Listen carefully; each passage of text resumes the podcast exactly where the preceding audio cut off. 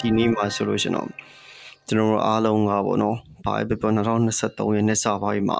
ဒီဒေါ်လာရေးရဲ့ဒါအခြေအနေကောင်းတွေကိုလည်းကြားနေရတယ်ပြီးတော့လည်းဒီဒေါ်လာရေးဟာလည်းပြောမယ်ဆိုရင်နှစ်နှစ်တာကာလကိုပြည်တော့မယ့်အချိန်တွေဖြစ်တယ်ပေါ့နော်အဲ့တော့ဒီပြည်သူတွေအားလုံးဟာကျွန်တော်အချိန်တိုင်းတာတစ်ခုဒီပင်ပန်းပြီးဖြစ်တယ်သို့ပေမဲ့ဒီလိုပဲပင်ပန်းဆင်းရဲဒုက္ခတွေကြားတဲ့ကနေကျွန်တော်ဒီဂျမ်ဖတ်စစ်တပ်ကို တကယ်တိုက်ထုတ်မယ်ငါတို့မြန်မာမြေကနေဖယ်ထုတ်မယ်ဆိုတဲ့စိတ်တစ်ခုတည်းရှေ့ဆက်သွားနေတာဖြစ်တဲ့အတွက်ကျွန်တော်တို့ရဲ့ဒီစ조사အထောက်မှုတွေဟာရုပ်လုံးပေါ်လာပြီဖြစ်ပါတယ်အဲတော့ဒီတစ်ပတ်မှာဆိုရင်တော့ဒါကျွန်တော်တို့အရင်တစ်ပတ်ကကျွန်တော်တို့ဒါတွေ့ဆုံမေးမြန်းခဲ့တဲ့ဒါ Acting English ရာစင်စီလွင်ရဲ့ episode ဖြစ်တဲ့ဒါကျဲငါးကောက်သူနှစ်ကျဲကျွေနိုင်ငံပေါ့နော်ဒီ episode လေးရဲ့ဒုတိယပိုင်းပဲဖြစ်ပါတယ် အဲ့တော့ကျွန်တော်တို့ပထမပိုင်းမှာကျွန်တော်တို့ဒါပြောဆိုပြီးခဲ့ရတဲ့အကြောင်းအရာတွေမှာစဉ်းစားတွေးခေါ်စရာတွေလည်းရှိမယ်အခုကျွန်တော်တို့ဒုတိယပိုင်းမှာလည်းဒီလိုမျိုးဒါဆရာရဲ့အတွေ့အကြုံတွေရောဒါကျွန်တော်တို့မေးမြန်းခဲ့တဲ့ဟာတွေကိုကိုဒါအကောင်းဆုံးနားထောင်အောင်မှာဖြစ်ပါတယ်အဲ့တော့ဒီဒုတိယပိုင်းမှာလည်းကျွန်တော်တို့ဒါဆရာစစ်စစ်လွင်ရဲ့ဒီသူ့ရဲ့ဖြတ်တန်းခဲ့တဲ့အတွေ့အကြုံတွေနဲ့ဒီနိုင်ငံရေးသုံးသက်ချက်တွေအပေါ်မှာလည်းဒါနားထောင်ပေးဖို့အတွက်လည်းတိုက်တွန်းရင်းနဲ့ကဲကျွန်တော်တို့ episode လေးစလိုက်အောင်ခင်ဗျာ အဲ့တော့ဆရာကျွန်တော်တို့ကဗျာအခုချိန်မှာဆိုရင်အမှန်တိုင်းပြောရင်အဖက်ဖက်ကဟိုအကုန်ကြနေပါတော့အဖက်ဖက်ကအကြပိုင်းပဲဖြစ်နေတာပညာရေးဘက်ပဲကြီးကြီးစီးပွားရေးပဲကြီးကြီးအခုနိုင်ငံရေးလူမှုရေးအကုန်လုံးပေါ့နော်အဲသို့ပေမဲ့ကျွန်တော်တို့ဒီ2023ကနေစပြီးတော့ဒါဘာပြောပြောကျွန်တော်တို့ခုနပြောလို့အခြေအနေတော်ကောင်းလာတယ်အထူးသဖြင့်စေးပိုင်းဆိုင်ရာပြီးရင်ဒီစစ်ကောင်စီနဲ့ပတ်သက်တဲ့ဒါသူတို့ရဲ့ဟိုတကယ် တရုတ်မှန်နေပေါ့နော်ကဘာနဲ့ချီပြီးပေါ်လာတဲ့ကိစ္စတွေလည်းဒါအများကြီးဖြစ်နေတာဆိုတော့ပြည်သူတွေကလည်းဒါပျော်တာပေါ့ဟုတ်အဲ့တော့လက်ရှိအချိန်မှာပြည်သူတွေအတွက်ပေါ့နော်ပို့ပြီးတော့မြန်မြန်ဆန်ဆန်နဲ့ဒီဒေါ်လာရေးကိုအချိန်မြင့်မြင့်လှုပ်ဆောင်ဖို့ပြီးရင်ဒီဒေါ်လာရေးကိုအောင်မြင်မြင်နဲ့မြန်မြန်ဆန်ဆန်ပြီးနိုင်ဖို့ဆိုလို့ရှင်ဆရာဘယ်လိုပုံစံမျိုးအကြံပေးနိုင်လဲဟိုခုပေါ့နော်ဒီဒီဟာကပြောမယ်ဆိုတော့ဟိုဒီဒေါ်လာရေးခေါင်းဆောင်တွေအတွက်လည်းမဟုတ်ဘူး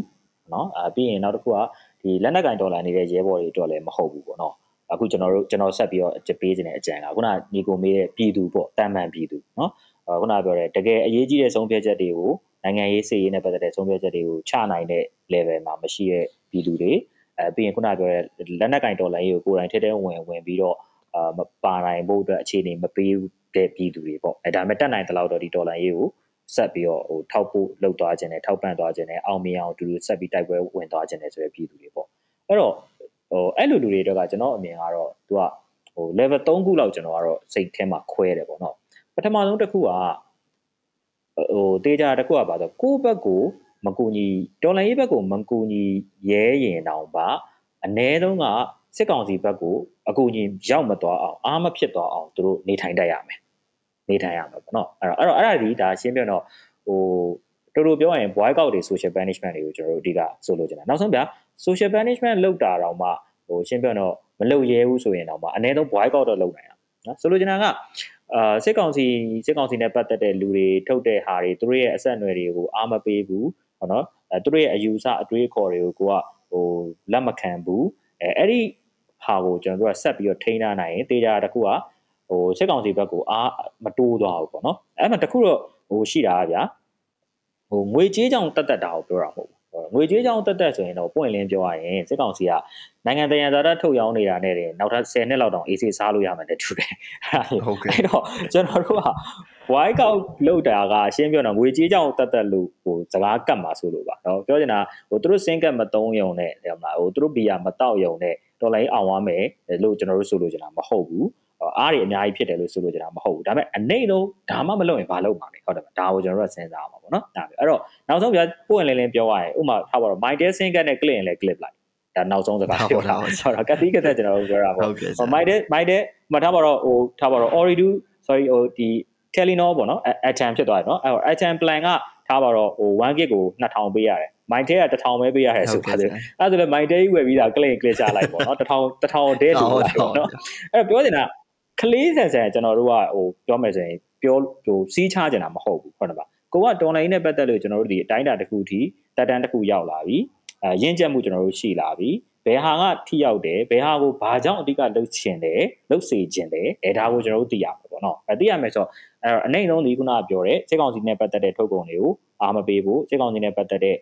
အတွေးခေါ်အယူအဆတွေသူတို့ကိုဒိုင်းရိုက်တော်၎င်းတွယ်ဝိုက်တော်၎င်းထောက်ပံ့နေတဲ့အယူအဆတွေကိုကိုကမဖြန့်မိစေဘူးအဲ ဒါမျိုးတွေအရေးကြီးတယ်ဗျအနေဆုံးကိုကျွန်တော်ပြောနော်ဘာလို့အဲ့ဒါတွေလုပ်ဖို့အတွက်ကအနေမများဘူးဗျာ လူတယောက်ကိုအတင်မှာဒါမင်းဒီစင်းကမဖြစ်မနေတော့မတော့ရင်ဖမ်းမယ်လို့တော့လာလို့တော့လောဆယ်ရှိတော့မရသေးဘူးတင်တာပဲနောက်လို့ရင်တော့မပြောတော့ဘူးပေါ့နော်ဟုတ်ကဲ့ဟာပြောလို့ကောင်းနေပြောပြရတာကောင်းနေပါဘူးအဲ့လိုအဲ့လိုပဲဘီယာကိုကိုကြိုက်တဲ့တစ်စိတ်ကိုပေါ့နော်ဟိုစစ်ကောင်စစ်ကောင်တီနဲ့မပတ်သက်တဲ့ဘီယာကိုရွေးတောက်တာမရဘူးဒီဘီယာပဲတောက်မတောက်ရင်ဖမ်းမယ်တော့လုံးလို့လောဆယ်တော့မရသေးဘူးဗျာမရသေးတော့ဒီအနေထားမှာတို့ဒါတွေကိုတောက်ခံပြီးရင်ကျွန်တော်အဲ့ဒီမထုတ်ကုန်တွေတဲ့ဆိုင်အဓိကကျွန်တော်တတိထပ်ပေးနေတာအဲ့တွေးခေါ်ယူဆောင်ကိုလည်းတတိထားစေချင် တယ်အဲဥမာသူတို့အဓိကတောက်လျှောက်ဟိုစုပ်ကင်နေတဲ့အအတွေးခေါ်အယူဆတွေပေါ့နော်ဥမာအမျိုးဘာသာတာတာထိမ့်သိမ်းဆောက်ရှောက်မယ်โอเคထိမ့်သိမ်းဆောက်ရှောက်တာတောက်ထီကိုကျွန်တော်တို့လက်ခံလို့ရတယ်အဲ့လိုထိမ့်သိမ်းဆောက်ရှောက်တဲ့ပုံစံကဘယ်လိုပုံစံနဲ့ထိမ့်သိမ်းဆောက်ရှောက်မှာလဲဒီပုံမှာကျွန်တော်တို့စကားပြောသွားပြီအခုသူတို့ထိမ့်သိမ်းဆောက်ရှောက်တဲ့ပုံစံကသူကငါတို့အမျိုးဘာသာသာသနာကောင်းစားဖို့အတွက်တစ်ဖက်သားတွေရဲ့အမျိုးဘာသာသာသနာကိုတက်နိုင်တဲ့တော့သူကတိုက်ခိုက်ပြီးတော့ဖိနှိပ်ပြီးတော့ကိုယ့်အတွက်ကိုကောင်းမှုသူကလုပ်တဲ့ပုံစံမျိုးတွေဖြစ်နေတယ် အဲ့တော့ကျွန်တော်တို့အဲ့ဒါတော့လက်ခံလို့မရဘူးဟောတော့လူတိုင်းကကိုယ့်လူမျိုးဘာသာသာသနာအတွက်ကောင်းစေချင်တာကိုကျွန်တော်လက်ခံလို့ရတယ်ဒါပေမဲ့တစ်ဖက်သားကိုဖိပြီးတော့မှကိုယ့်ကိုကောင်းဖို့ကြိုးစားတာမျိုးအဲဒါမျိုးဟိုတို့ကအကောင့်ထဲပေါ်နေတာဖြစ်တယ်ပြီးရင်ပိုဆိုးတာတစ်ခုကပါလဲဆိုတော့အမျိုးဘာသာသာသနာကိုတကယ်ကောင်းစေခြင်းလို့ထက်အဲ့လိုကောင်းစေခြင်းလို့ဆိုရဲရတဲ့စိတ်ခွန်အားတွေလူခွန်အားတွေကိုသူတို့ရဲ့ကိုကြိုးစည်းပွားအတွက်သူတို့ကတွယ်ဝိုက်ပြီးအသုံးချနေတာဖြစ်တယ်အဲ့တော့အဲ့ဒီအချိန်မှာကျွန်တော်အဲ့လိုအတွေးခေါ်တွေကအစားဖြစ်နိုင်ရင်ကျွန်တော်တို့ကဟိုမပြန့်ပွားအောင်ပေါ့နော်ဟို ဟိုကျွန်တော်တို့ဟိုကိုယ်တိုင်ကတေချာလေးလေးနဲ့တွေးမယ်လက်ခံမယ်ကြင့်သုံးမယ်ပြန့်ပွားအောင်လုပ်မယ်အဲဒါတွေကကျွန်တော်အမြင်ကဒါအနိုင်ဆုံးအဆင့်ပြည်သူတွေနည်းနည်းပါဝင်လို့ရတာပေါ့နော်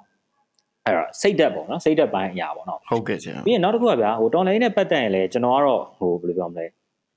နည်းနည်းကျွန်တော်အစိုးမြင်တဲ့တွေမှာပါတာပေါ့နော်ဘယ်ကိစ္စမဆိုကျွန်တော်ကအဲ့လိုဟို cautious thinker လို့ပြောလို့ရမှာတော့မသိဘူးပေါ့နော်အဲ့လိုမျိုးဟိုမကောင်းတဲ့ shoot down တွေစိုးတာတွေအဲတကယ်လို့များ ဒီလိုဆိုးကျိုးဖြစ်ခဲ့ရင်စပြီးအဲ့လိုမျိုးပေါ့ဟိုကျွန်တော် black hat thinking လို့ခေါ်တာပေါ့နော်အုတ်ထုတ်အမဲဆန်ဆန်တွေးတဲ့ဟာတွေကျွန်တော်နည်းနည်းတန်တဲ့လူဆိုတော့အခုထားပါတော့တကယ်လို့များကဲတစ်နှစ်နဲ့မအောင်ခဲ့ရင်ရောဟုတ်ဥပမာပြောတာနော်ဟုတ်ကဲ့ဆရာတစ်နှစ်ကအဆုံးဖြတ်လို့ပြောတယ်ဒါပေမဲ့ခွတစ်နှစ်နဲ့မအောင်ခဲ့ရင်ကောဆိုရင်ကျွန်တော်ဘာလို့အမြဲတမ်းကျွန်တော်ကတတိပေးလဲဆိုတော့ကျွန်တော်တို့အလုပ်တစ်ခုလုပ်တဲ့အခါမှာဟိုပန်းနိုင်ရီမန်းချက်တစ်ခုခုကိုရောက်ဖို့အတွက်အဲ့ဒါကိုပန်းနိုင်တစ်ခုထားပြီးတော့အလုပ်လုပ်တာမျိုးတွေရှိတယ် အဲဒါ goal oriented လို့ကျွန်တော်တို့ခေါ်တာပေါ့နော်အဲအဲ့ဘန်းတိုင်းကိုကျွန်တော်တို့ရမယ်ရသွားရင်ကျွန်တော်တို့ပျော်ရွှင်ရမယ်ကျေနပ်ရမယ်အဲ့တော့အဲ့ဘန်းတိုင်းကိုကျွန်တော်ရည်မှန်းပြီးလုပ်ကြတယ်ဒါ goal oriented ဒါပေမဲ့တချို့ကိစ္စတွေကကြတော့ goal oriented မဟုတ်ဘဲねကျွန်တော်တို့က progress oriented သွားလို့ရတယ်ဆိုလိုချင်တာကဘာလဲဆိုတော့ပန်းနိုင်တော့မရောက်သေးဘူးဒါပေမဲ့တိုးတက်မှုတွေရှိနေတယ်အဲ့တိုးတက်မှုတွေပေါ်မှာတစ်ခုချင်းပေါ်မှာစိတ်ကျေနပ်မှုရှိတယ်အဲ့ပုံမှာ motivate ဆက်ပြီးတော့ထက်ထက်ထက်ထက်ပြီးတော့ကြိုးစားသွားကြတယ်ပန်းနိုင်ကတော့ဘယ်တော့ရောက်မယ်ဆိုတာတခါတည်းကျန်သိချင်မှသိတယ်ဒီလိုကိစ္စမျိုးဥပမာအဖြစ်အဲဟိုထားပါတော့ အာကြားမတန်းတူညီများအခွင့်အရေးရဖို့ဆိုတဲ့ကိစ္စမျိုးဟုတ်နော်အာကဘာမှာလည်းအခုချိန်ထိစူးစမ်းနေရုံပဲပန်းနိုင်ဘယ်တော့ရောက်မလဲဆိုတော့ဘူးမှမသိဘူးလေဟုတ်တယ်မလားဥပမာဘယ်နှစ်နှစ်အတွင်းဟိုတကဘာလုံးမှာရှိသမျှကြားမအားလုံးတန်းတူဆက်ဆံခံစေရမယ်ဆိုတော့ plan မျိုးဘယ်သူမှမချရဲဘူးဟုတ်ပါတယ်အဲ့တော့ဒါပေမဲ့တဆင့်ပြီးတဆင့်ပြီးတဆင့်ပြီးတဆင့်ပြီးပေါ့နော် level တစ်ခုချင်းတစ်ခုချင်းတစ်ခုချင်းမှာ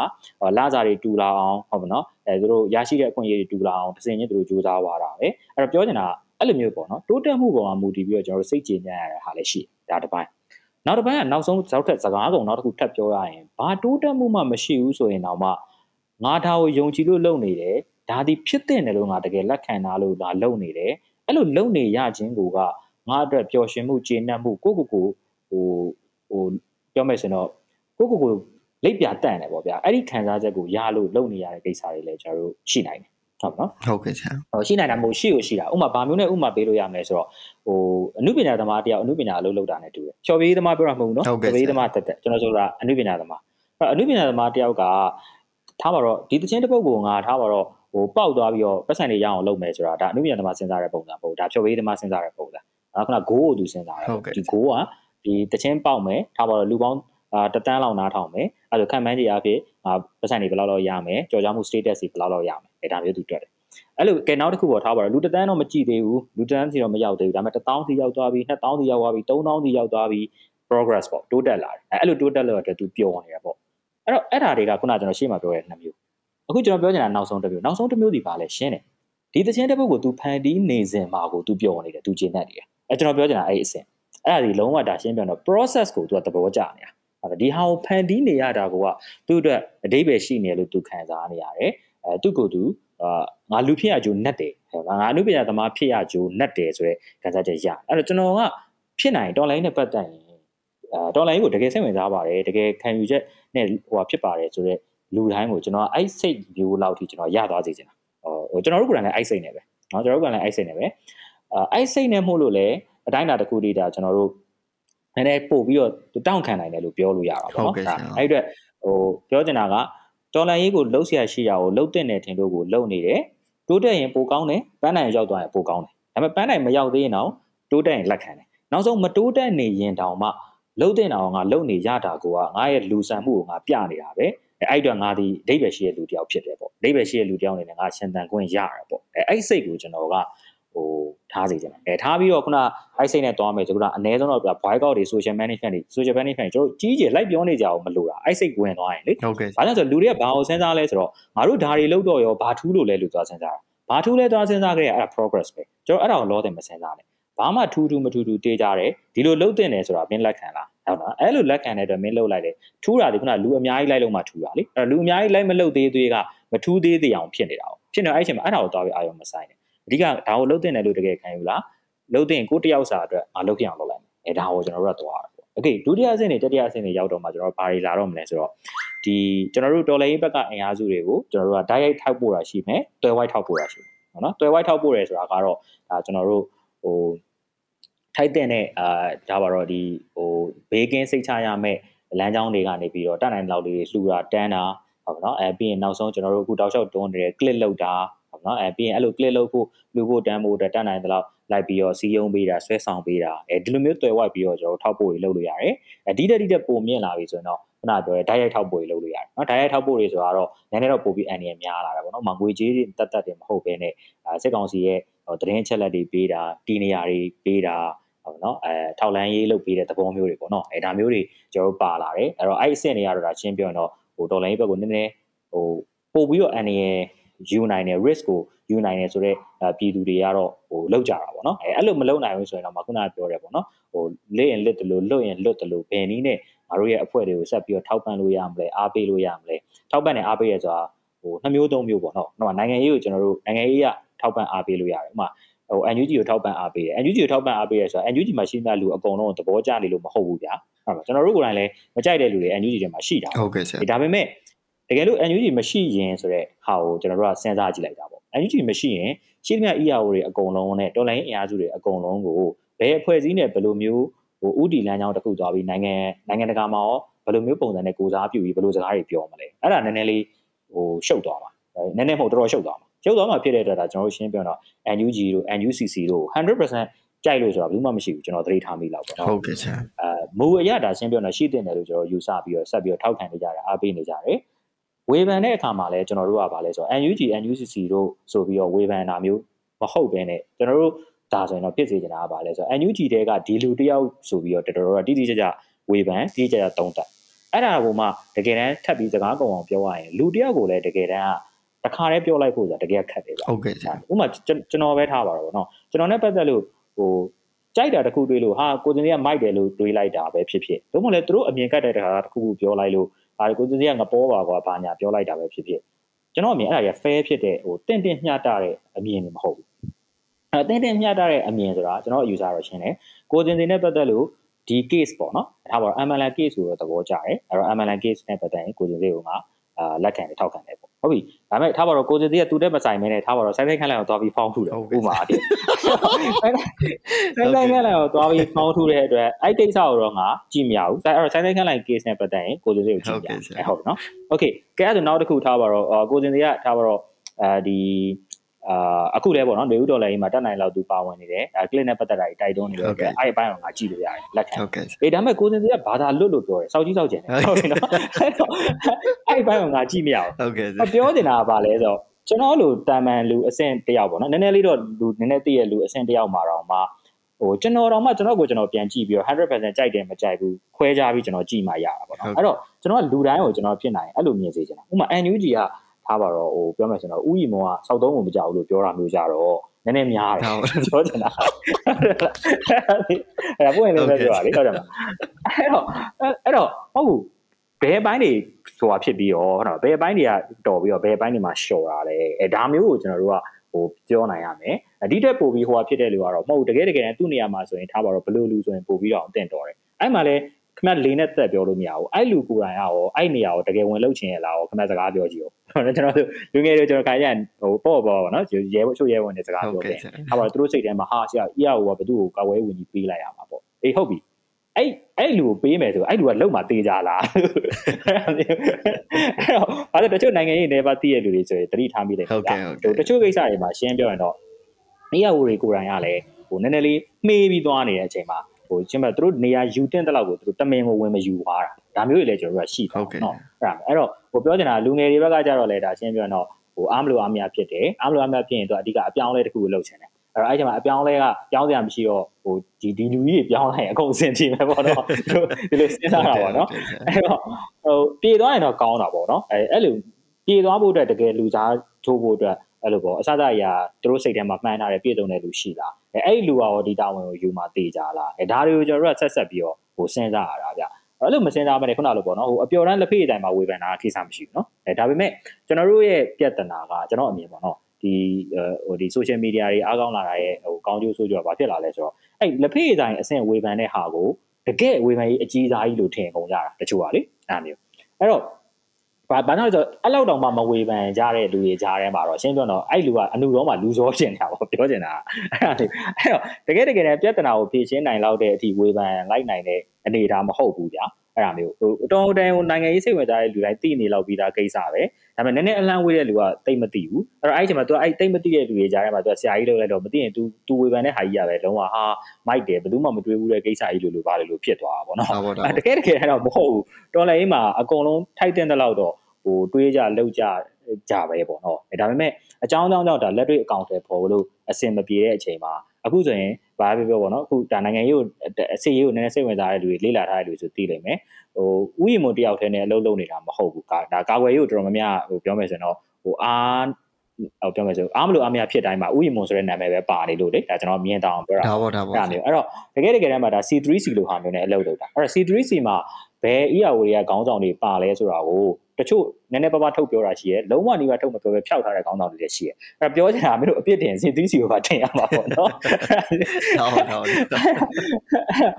အဲ့တော့ပြောတင်ပြောတင်တာကဘာလဲဆိုတော့ဟိုတကယ်တကယ်ဝေဖန်တော့မယ်ဆိုရင်ကိုအဆင့်ပေါ့နော်ကိုကိုတိထားတဲ့အဆင့်ကဘယ်လောက်ထိတိထားလဲဘယ်လောက်ထိတေချာလေ့လာထားလဲအဲအဲ့ဒါကိုကိုယ်တိုင်လည်းစဉ်းစားမှာဖြစ်တယ်လို့ဟိုအဲ့ဝေဖန်မှုတွေကိုအားပေးနေတဲ့လူတွေကလည်းစဉ်းစားရမှာအဲ့မှာဟာဒီလူဝေဖန်တာကတော့ ဘယ်အပိုင်းလောက်ထိတော့ငါတို့လက်ခံလို့ရတယ်ဘယ်အပိုင်းလောက်ထိကတော့ဒီလိုကကြာရှင်းပြောတော့ဟိုသူ့ရဲ့စိတ်ခံစားချက်တွေများပြီးပြောတာဒါမှမဟုတ်လေသူကအညှိုးတေးနဲ့ပြောတာအစားပဲကျွန်တော်နိုင်ငံရေးကလည်းဟိုနိုင်ငံရေးပဲဖြစ်ပါဖြစ်ပါဗျာလူဆိုတော့တည်ရမှာစိတ်ပိုင်းဆိုင်ရာအညှိုးလေးတွေရှိအောင်တစ်ပတ်နဲ့တစ်ပတ်အဲ့တော့အဲ့ဒီအချိန်မှာဟိုတချို့ဆိုရှိရလေ NUG ကောင်းတာနဲ့ပတ်သက်ရင်တခုမှမတင်ဘူးဒါပေမဲ့ NUG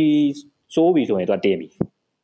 ဒေါ်လာရေးဘက်ကပဲနော်ပြောနေတာနော်ဒေါ်လာရေးဘက်ကမဟုတ်တဲ့လူကတော့တပိုင်းပါနော်ဒါပေမဲ့ဒေါ်လာရေးဘက်ကပဲဟိုကတော့ရှင်းပြောအဲ့လိုဟာတွေရှိတာပေါ့နော်အဲအဲ့လိုပဲအဲတချို့ဆိုလည်းရှိတယ်အဲတိုင်းတိုင်းနဲ့ပတ်သက်လို့အဲ तू तू အစိုးမြင်တဲ့တိုင်းတာ तू အကောင်းမြင်တဲ့တိုင်းတာပုံမှာမူတည်ပြီးတော့ခြံခြံပြီးတော့တင်တာပေါ့နော်အဲဒါမျိုးတွေကျွန်တော်ရှိတာရှိတော့အဲ့ချိန်မှာလူတိုင်းမှာရှိတယ်ဆိုတော့ကျွန်တော်မှလည်းရှိရင်ရှိမှာပဲအဲ့ဒါမျိုးအဲ့တော့ကျွန်တော်တို့ကအဲ့ဒါကိုရှင်းပြောတော့ပြည်သူလူထုကသဘောပေါက်ရမယ်နားလည်ရမယ်ဟိုစကားအဟောင်းကြီးပြန်ပြောရရင်တော့ဗျာ ဟိုပုံကိုယ်ဆွဲတွေမထားနဲ့ဆိုတဲ့စကားကိုကျွန်တော်တို့ခဏခဏပြောကြအောင်နော်ပုံကိုယ်ဆွဲမထားနဲ့နော်ပုံကိုယ်ဆွဲမထားနဲ့အဖွဲ့အစည်းအဆွဲမထားနဲ့ဟုတ်ပြီဒါဟုတ်တယ်ဒါပေမဲ့အဲတစ်ဖက်မှာလည်း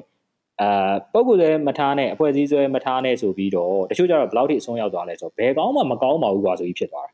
ဟာနော်ဘယ်ကောင်းမှမကောင်းပါဘူးကွာဘယ်အဖွဲ့အစည်းမှမကောင်းပါဘူးကွာဆိုပြီးတော့တော်လိုင်းနဲ့ဝေးသွားတာအဲကျွန်တော်ကစိုးရင်တာဒီကအဲ့ဒါလည်းပါတယ်အဲ့ဒါအဲ့ဒါကိုစိုးရင်လို့တချို့လူငယ်တွေနဲ့ကြတော့ကျွန်တော်ကရှင်းပြတော့ဟိုတခါလေးကြတော့ကျွန်တော်တို့ကဟို တရားရဂိုင်းလုံးအပြည့်အဝကောင်းမွန်ပြည့်စုံတာကြီးကိုရဖို့ကခက်တာအဲ့တော့အဲ့ဒီအချိန်မှာကျွန်တော်တို့ရနိုင်တဲ့လောက်ပေးထားတဲ့အနေအထားအနေနဲ့ပဲငါတို့အလုပ်ဖြစ်အောင်ဗာဆက်လုပ်မလဲဗာဆက်သွားကြမလဲအဲဒါကိုကျွန်တော်စဉ်းစားနေကြတာအဲ့ဒါကျေးဇူးတင်ပါတယ်ဆရာ။ဘာကြောင့်လဲဆိုတော့ဆရာပြောပြရတဲ့အထဲမှာဆိုလို့ရှိရင်လေလေဒါတော်တော်ပြည့်စုံတော့တချို့ဆိုလို့ရှိရင်ဆရာပြောသလိုပေါ့ကျွန်တော်တို့ဟိုအမှတ်ရစရာလေးပေါ့ဗျာကျွန်တော်တင်တန်းမှာဆိုလို့ရှိရင်တင်တန်းသား200လောက်ရှိတယ်အာသူတို့ကိုဒါ ဘာပြောပြောပေါ့ဗျာဟိုအနုတော့လူကြောပေါ့ဗျာကျွန်တော်တို့အုပ်ချုပ်ခွင့်ရခဲ့တဲ့အချိန်မှာသူတို့ရဲ့စိတ်ခံစားချက်တွေကိုသူတို့ပြောပြရတဲ့မှာအဲ့လိုဟာတွေအများကြီးပါတာပေါ့ချို့ကြတော့ဒီလိုမျိုးတော်လိုင်းနဲ့ပတ်သက်ပြီးတော့မှအဖွဲ့အစည်းနဲ့အလုပ်လုပ်တာလူတွေနဲ့အလုပ်လုပ်တာမျိုးအခြေအနေမှာနောက်ဆုံးသူတို့ရဲ့စိတ်ကဘယ်လိုဖြစ်သွားလဲတော့ခါဘယ်သူမှမကောင်းဘူးပေါ့ကွာဒါမျိုးတွေဖြစ်ပြီးတော့ဒီဒေါ်လာရင်းကိုလန်သွားတာမျိုးတွေသူတို့ကသူတို့ပြန်သွားလိုက်တာမျိုးတွေရှိတယ် အဲ့လိုလူတွေအတွက်လည်းဒါဆရာပေးတဲ့အချက်လက်တွေဆရာပြောပြတဲ့အကြောင်းအရာတွေကအများကြီးအထောက်အကူပြုမှာပါဆရာဟုတ်တယ်ဟုတ်တယ်ဟိုကျွန်တော်လည်းကိုချင်းစာပါတယ်ဘာလို့ကျွန်တော်ကိုယ်တိုင်လဲပေါ့နော်တော်လိုင်းမှာထားပါတော့တစ်လခွဲလောက်ဘာမှမလုပ်တော့ဘဲနဲ့လို့လုံးဝပစ်ချထားလိုက်တဲ့အချိန်တွေရှိဘူးတဲ့ခုနလိုခုနလိုတွေးဖြစ်သွားတာပေါ့နော်ခုနလိုတွေးသွားတာဟုတ်ဆရာဘယ်ဖွဲ့စည်းပဲဖြစ်ဖြစ်ချိတ်ဆက်လိုက်လှုပ်လိုက်တဲ့အခါမှာဟို100%စိတ်တိုင်းမကြောက်ဘူးဗျာတည်ရမှာ100%စိတ်တိုင်းမကြောက်အဲ့တော့အဲ့ဒီအချိန်မှာ ဟိုစိတ်တိုင်းမကြမဲ့အတူတူမလုတ်တော့ဘူးကွာပေါ့နော်မပတ်သက်တော့ဘူးကွာဆိုပြီးတော့ကျွန်တော်တို့လွှတ်ချလိုက်တာပေါ့နော်အဲလွှတ်ချလိုက်တော့ဒါပေမဲ့ ဟိုစိတ်အေးဟိုတခုရှာအိုင်တော့ဗျာကျွန်တော်တို့ဒီဟိုစာပေါ့နော်အဲ့အဲ့ data တစ်ဝိုင်းမှာပြီးရင်ကျွန်တော်ကိုယ်တိုင်လည်းဖြစ်လိုက်လားမဖြစ်လိုက်တာတော့မသိပါဘူးကိုဗစ်ပေါ့နော်ဟုတ်ကဲ့ကျွန်တော်စစ်လည်းမစစ်ဘူးကိုယ်ကလည်းအခန်းအောင်နေလိုက်တာဆိုတော့အဲ့တော့ကျွန်တော်ဟိုလူချမ်းမာရေးရောစိတ်ချမ်းမာရေးရောဒါပြီးစုံတဲ့ကာလပေါ့နော်အဲ့အဲ့တော့ကျွန်တော်တလခွဲလောက်ခုနကပေါ့နော်ဒီခုနဒီအတွင်း meeting တချို့ပေါ့နော်တချို့စကားပြောတာတွေဘာတွေအားချက်ကျွန်တော်လုံးဝဟိုမတိကြအောင်ပဲစောင်းနေလိုက်ပြီးတော့ဝယ်မပြောတော့ဘဲနဲ့ကျွန်တော်ကိုယ့်ဘက်တကူပဲလုံးဝနေလိုက်တယ်နော်ဒါပေမဲ့ အဲ့လိုနေလိုက်တာဒီခုနပြောတဲ့အချက်ကြောင့်ဗျဟိုကျွန်တော်တို့စိတ်ထဲမှာဘာကိုမျှော်လင့်လဲဆိုတော့လေအဲ့လိုတရားရာခိုင်နှုန်းကောင်းဖို့အရန်ကျွန်တော်တို့ကမျှော်လင့်တာကိုသိရမလားဟိုကျွန်တော်တို့ရဲ့စံကြီးတွေကျွန်တော်တို့ကအမြင့်ကြီးတွေထားလိုက်တာအဲ့ဟိုထားလိုက်တော့အဲ့ဒီချိန်မှာထားပါတော့ဥပမာလက်နက်ကင်ဒေါ်လာရေးကောင်းဆောင်တယောက်ကိုတွားပြီးတော့ဟိုအတောက်စားကင်းတင်တယ်မိမမလိုက်စားတင်ဘူးဆိုတော့စံနဲ့ပါတွားတိုင်းတယ်ဆိုပါစို့ အဲ့ဒါဆိုရင်နည်းနည်းလေးနည်းနည်းလေးစကားပြောဆိုရတာခက်လာတယ်ဒါပြောချင်တာလေဟုတ်တယ်မလားဒါဟုတ်ဒါဟုတ်အဲ့တော့အကေအဲ့လိုပဲအဲ့ဆိုအတောက်စားတွေကင်းဟောတော့မိမမလိုက်စားတဲ့လူတယောက်ကလည်းအဲ့ဆိုရှေ့တန်းမှာရိုးရိုးချင်မင်းအဲ့လူကတိုက်နိုင်တာတေးကြလားဆိုရင်လေအဲတမျိုးဖြစ်မှာပြောချင်တာကဘာဆိုကျွန်တော်တို့က100%အကုန်ဖျားလောင်းတွေပဲလိုချင်လို့လည်းမရဘူးဟိုစစ်တူရဲကောင်းတွေပဲလိုချင်လို့လည်းမရဘူးဗျာအဲ့ဒါတော်လည်းအဲ့လိုရတာဆိုတော့အဲ့ဒါကိုကျွန်တော်တို့ကဟိုသဘောပေါက်ဖို့သဘောပေါက်တေးချသဘောပေါက်လက်ခံသွားဖို့လိုတယ် အဲပြီးရင်ဟိုဟိုနိုင်ငံရေးစကားဟောင်းနဲ့ပြောရရင်တော့ဟိုတူတာတွဲလို့မတူတာခွဲလို့ပေါ့နော်ပြီးရင်ဟိုတူတလောက်တူတလောက်အဆင့်အထိတွဲလို့ပေါ့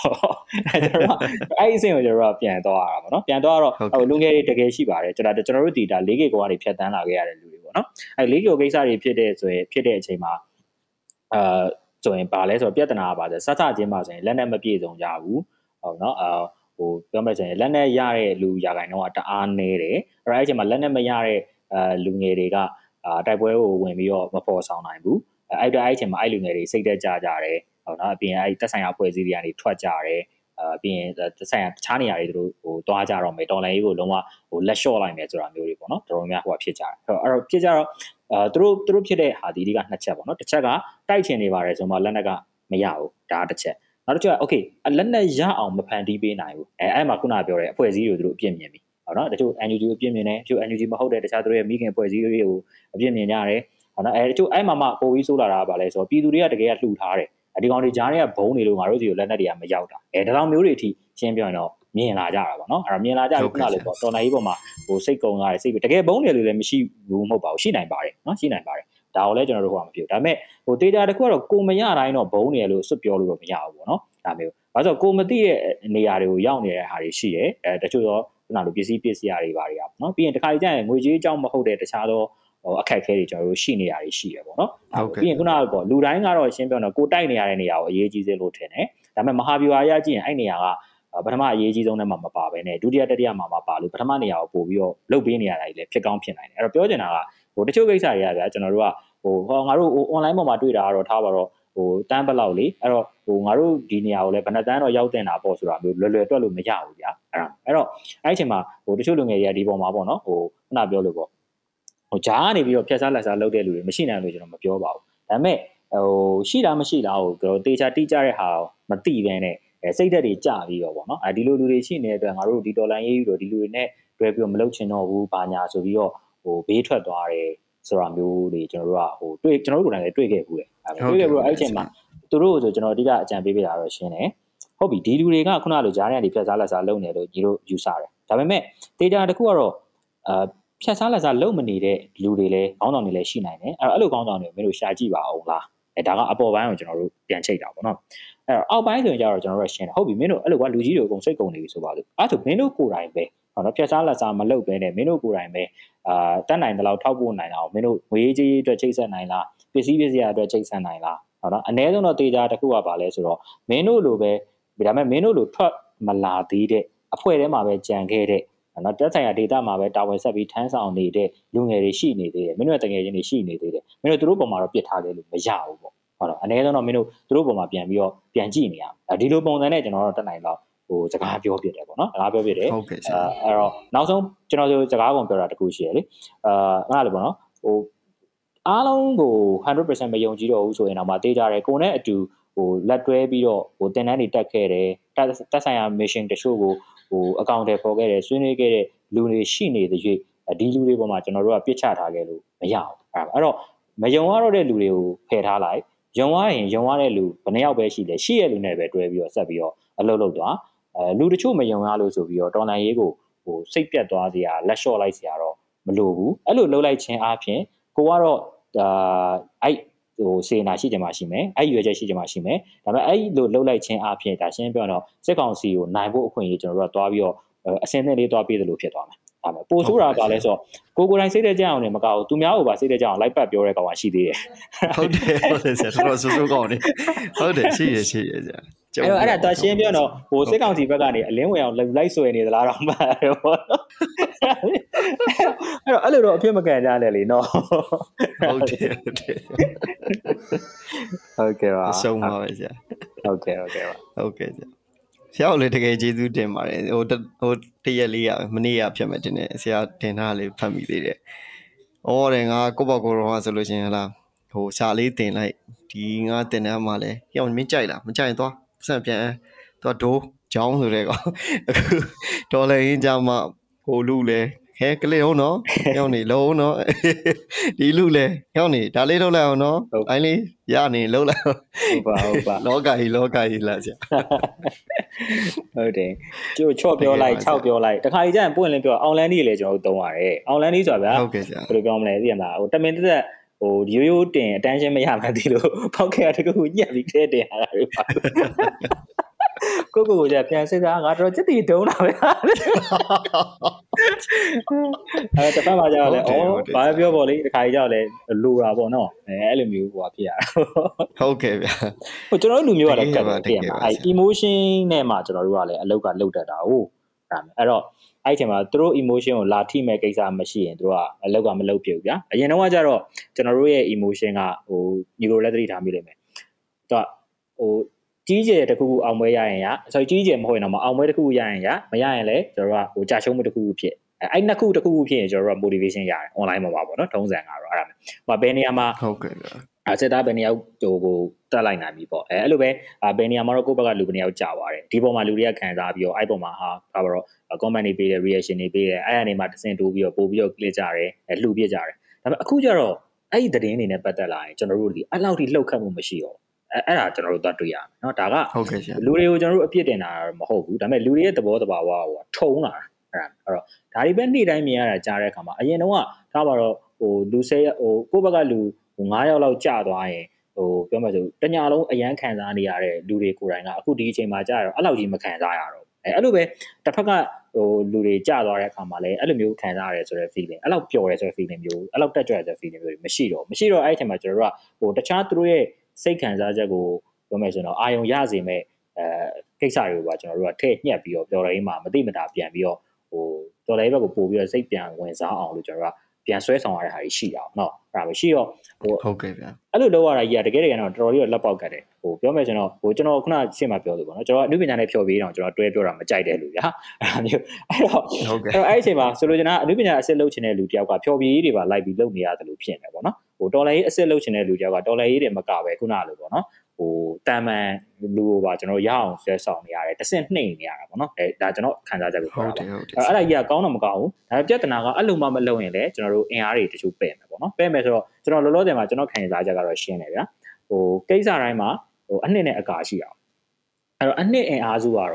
ဒါလုံးဆရာရှိရဆက်လုပ်နေမယ်အခုနလိုပေါ့တကယ်ကိုအနှစ်သာရရှိရှိနဲ့တော်လန်နေကြမယ်ဒါပေမဲ့အကာအင်အားစုကတော့ရှိနေပါပဲ အဲ့ဒီအကာအင်အားစုတွေအနှစ်အင်အားစုလောက်တော့ခံယူချက်တွေပြင်းထန်ခြင်းမှပြင်းထန်မယ်ဟောနော်တကယ်တိတိကျကျဟိုပြောမယ်ဆိုရင်တော့ဟိုထိထိရောက်ရောက်ဟိုရေရှည်လုံနိုင်ခြင်းမှလုံနိုင်မယ်ကြုံရင်ကြုံသူလုတ်ပေးတာမျိုးပဲဖြစ်ကောင်းလည်းဖြစ်နိုင်တယ်ဒါပေမဲ့အဲ့ဒီအကာအင်အားစုလည်းကျွန်တော်တို့ကလိုဖို့လိုတယ်ဟုတ်ကဲ့မဟုတ်ဘူးဆိုရင်ကျွန်တော်တို့ဒီအနှစ်တည်းကြီးပဲဆိုရင်လူတာနေသွားမယ်ကျောတော်လိုင်းအောင်မြင်နိုင်ကြဝေးသွားနိုင်တယ်ပေါ့နော်အဲအဲ့တော့ကျွန်တော်တို့ကရှင်းပြတော့အကာဆိုလဲသူ့ရဲ့အကာရဲ့တန်ဖိုးကတော့ကျွန်တော်တို့ရှိနေမှာပဲ ပေါ့နော်အဲအဲ့တော့ကျွန်တော်တို့ကရှင်းပြတော့အဲ့ဒါတွေကိုစိတ်ရှည်ရှည်နဲ့ကျွန်တော်ရတော့ပြန်ပြီးလိုက်စုနေရတယ်ဟုတ်ကဲ့ဗျာဆရာ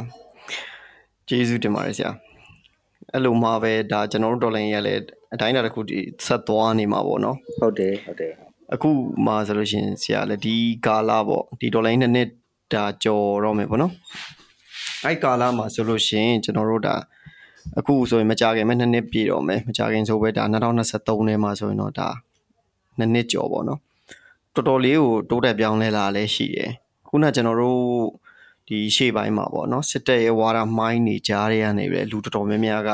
တော်တော်လေးကိုယုံထွက်လာနိုင်တာလည်းတွေ့ရတယ်ပေါ့ဆရာဟုတ်တယ်ဟုတ်တယ်အဲ့တော့လက်ရှိမှာကျွန်တော်တို့ပေါ့နော်ဒီတိုလန်ရေးကာလမှာဟိုခုနပြောအကုန်လုံးကတော့စီစီလုံးလုံးနဲ့တကယ်သွားတယ်တစ်ဖက်မှာလည်းဟိုအမြဲတမ်းကျွန်တော်တို့ဟိုတာကတ်ထားခဲ့တဲ့ဟာရှိရပေါ့နော် အဲ့ဒါဘာလဲဆိုတော့အခုကျွန်တော်တို့မြန်မာနိုင်ငံရဲ့နာမည်လိုပဲ